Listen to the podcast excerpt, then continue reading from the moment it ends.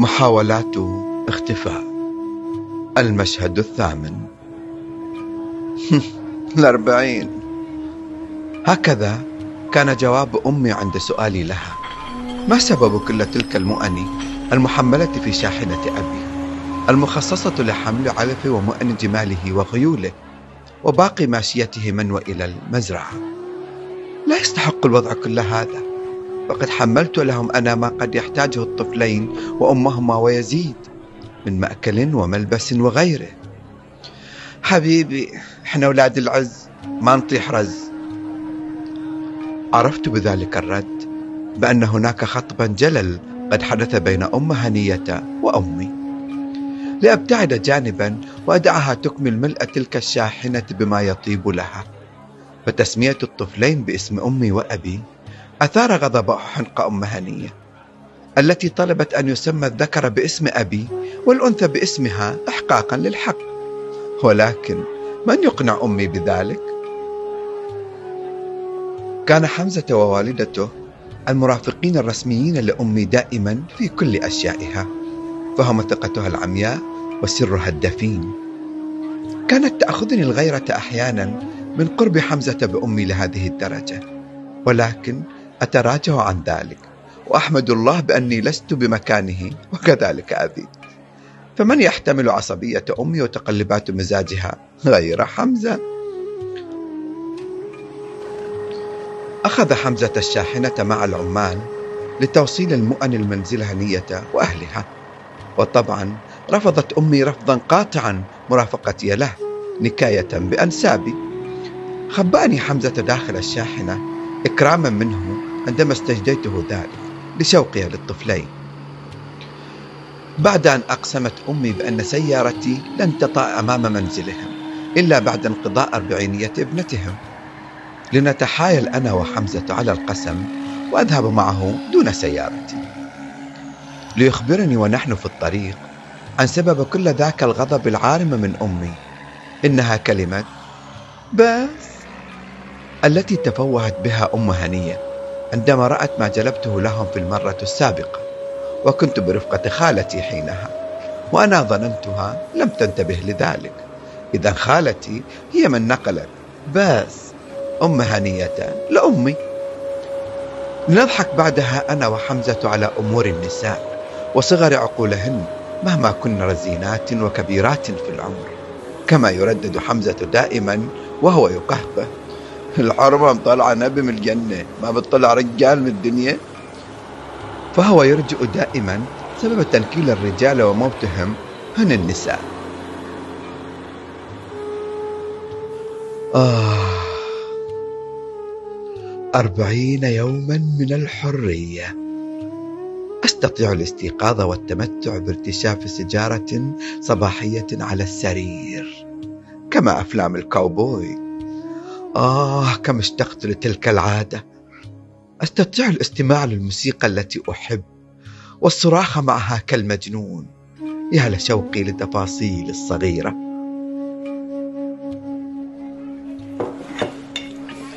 يهجم علينا ونحن على سفرة العشاء. يأخذني من يدي عنوة بعد أن طبع قبلتات ترحاب على رأسي أبي وأمي. أربعين يوم عزوبي. يعني لا تطالبوا بولدكم البر في معيتي. يضحك الجميع لهمجية حمزة. لتجيبه أمي. سألنا الجهاز سبيل الله كنك.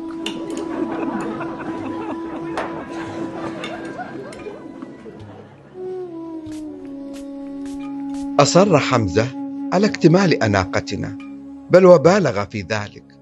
لأنه سيأخذني لعالم لم أره من قبل. عالم حمزة الخفي.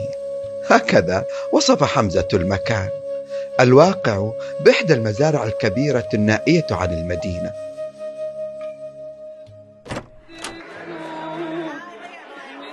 الموسيقى بكل أنواعها.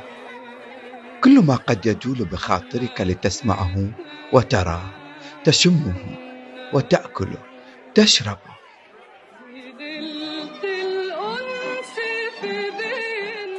إنها ليالي الأنس في فيينا كما تشدو أسمهان كنت مذهولا مأخوذا مما أرى. لما لم يأتي بي حمزة إلى هنا من قبل؟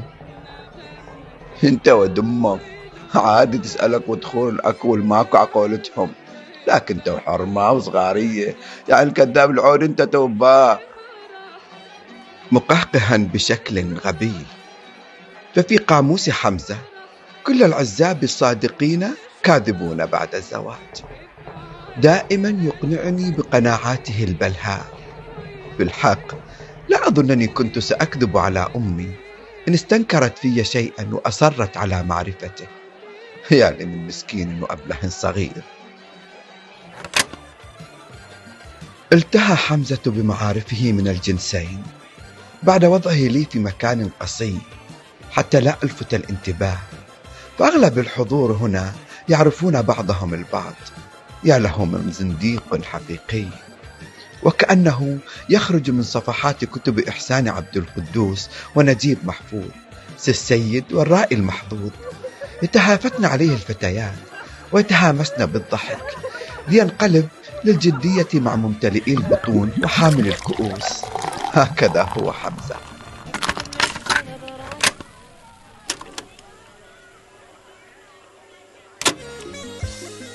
بدأت أتفحص من ركني الخفي تلك الوجوه وأنا أرقب خطوات حمزة وتنقلاته من شلة لأخرى. أغلب الحضور لا أعرفهم إلا بعض الشخصيات العامة. التي لا يفاجئني تواجدها هنا. من فوجئت به شخصين أو ثلاثة أظنهم من رفقاء أبي في صولات سباقات الخيل والنوق. ولكن ما يشد الانتباه أكثر الفتيات والصبية المتناغمين في صخب الأنغام والألوان والإضاءات المتغيرة. وما كان ينتشلني من متعة المراقبة والتدخين الهمسات الناعمة. والضحكات المكتومة التي تصدر في الاستراحات المتقطعة للصخب. ورنة خلخال بخطوات واثقة. أيعقل أن يكون هناك فرقة رقص هندي؟ ظللت أبحث عن تلك الرنات. تقترب. تبعد. تقترب. تبعد. لم أصطدها بعد حتى يعج المكان برنة ضحكة عالية أخرست الحضور. ما على كده.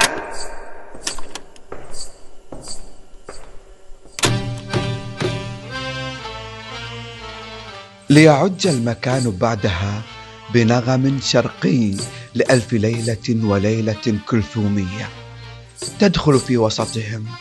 بخلخالها راقصة بجنون النغم الشرقي يتناءى جميع الراقصين والراقصات. وأنا أرقب الرجل والخلخال والهوس الحائر بين الطبلة والخصره والموال.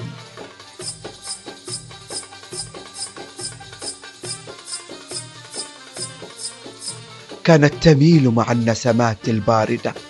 شعرها الثائر بطول قامتها ملامحها المتوارية خلف ألوان الليل وأنغامه. أطلقت النبض والنظر مترقبا وكأني ذئب سينقض على فريسة. هكذا كان إحساسي الذي أضحكني من العمق. مات الطبل والطبال على خصرها ليعم صمت النغم إلا من خلخالها.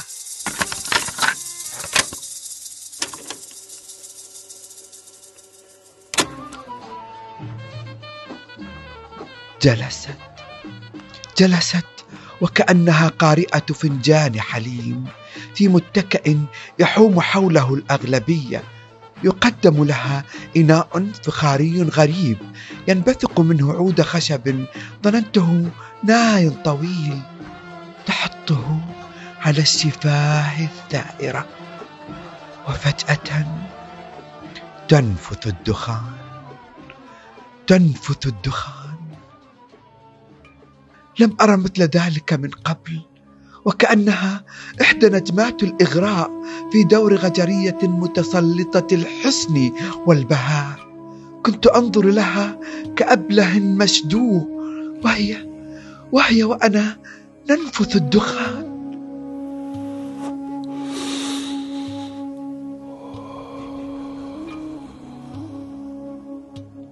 ودون أن أعي تلقي الناي بدخانه من يدها.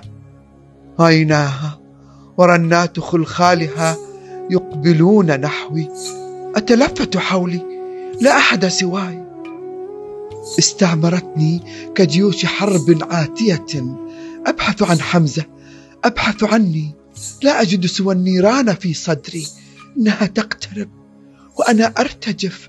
تقترب وأنا من أنا؟ إن أنفاسها هنا في وجهي تهمس بكل غنجها. أنا صفية. أنت من؟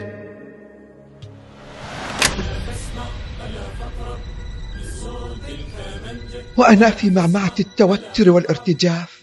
كيف لها؟ كيف لها جرأة كسر خلوتي؟ كيف لها أن آه لو أختفي؟ يتبع. فليس من راح عنا فليس من راح عنا راح عنا راح عنا راح عنا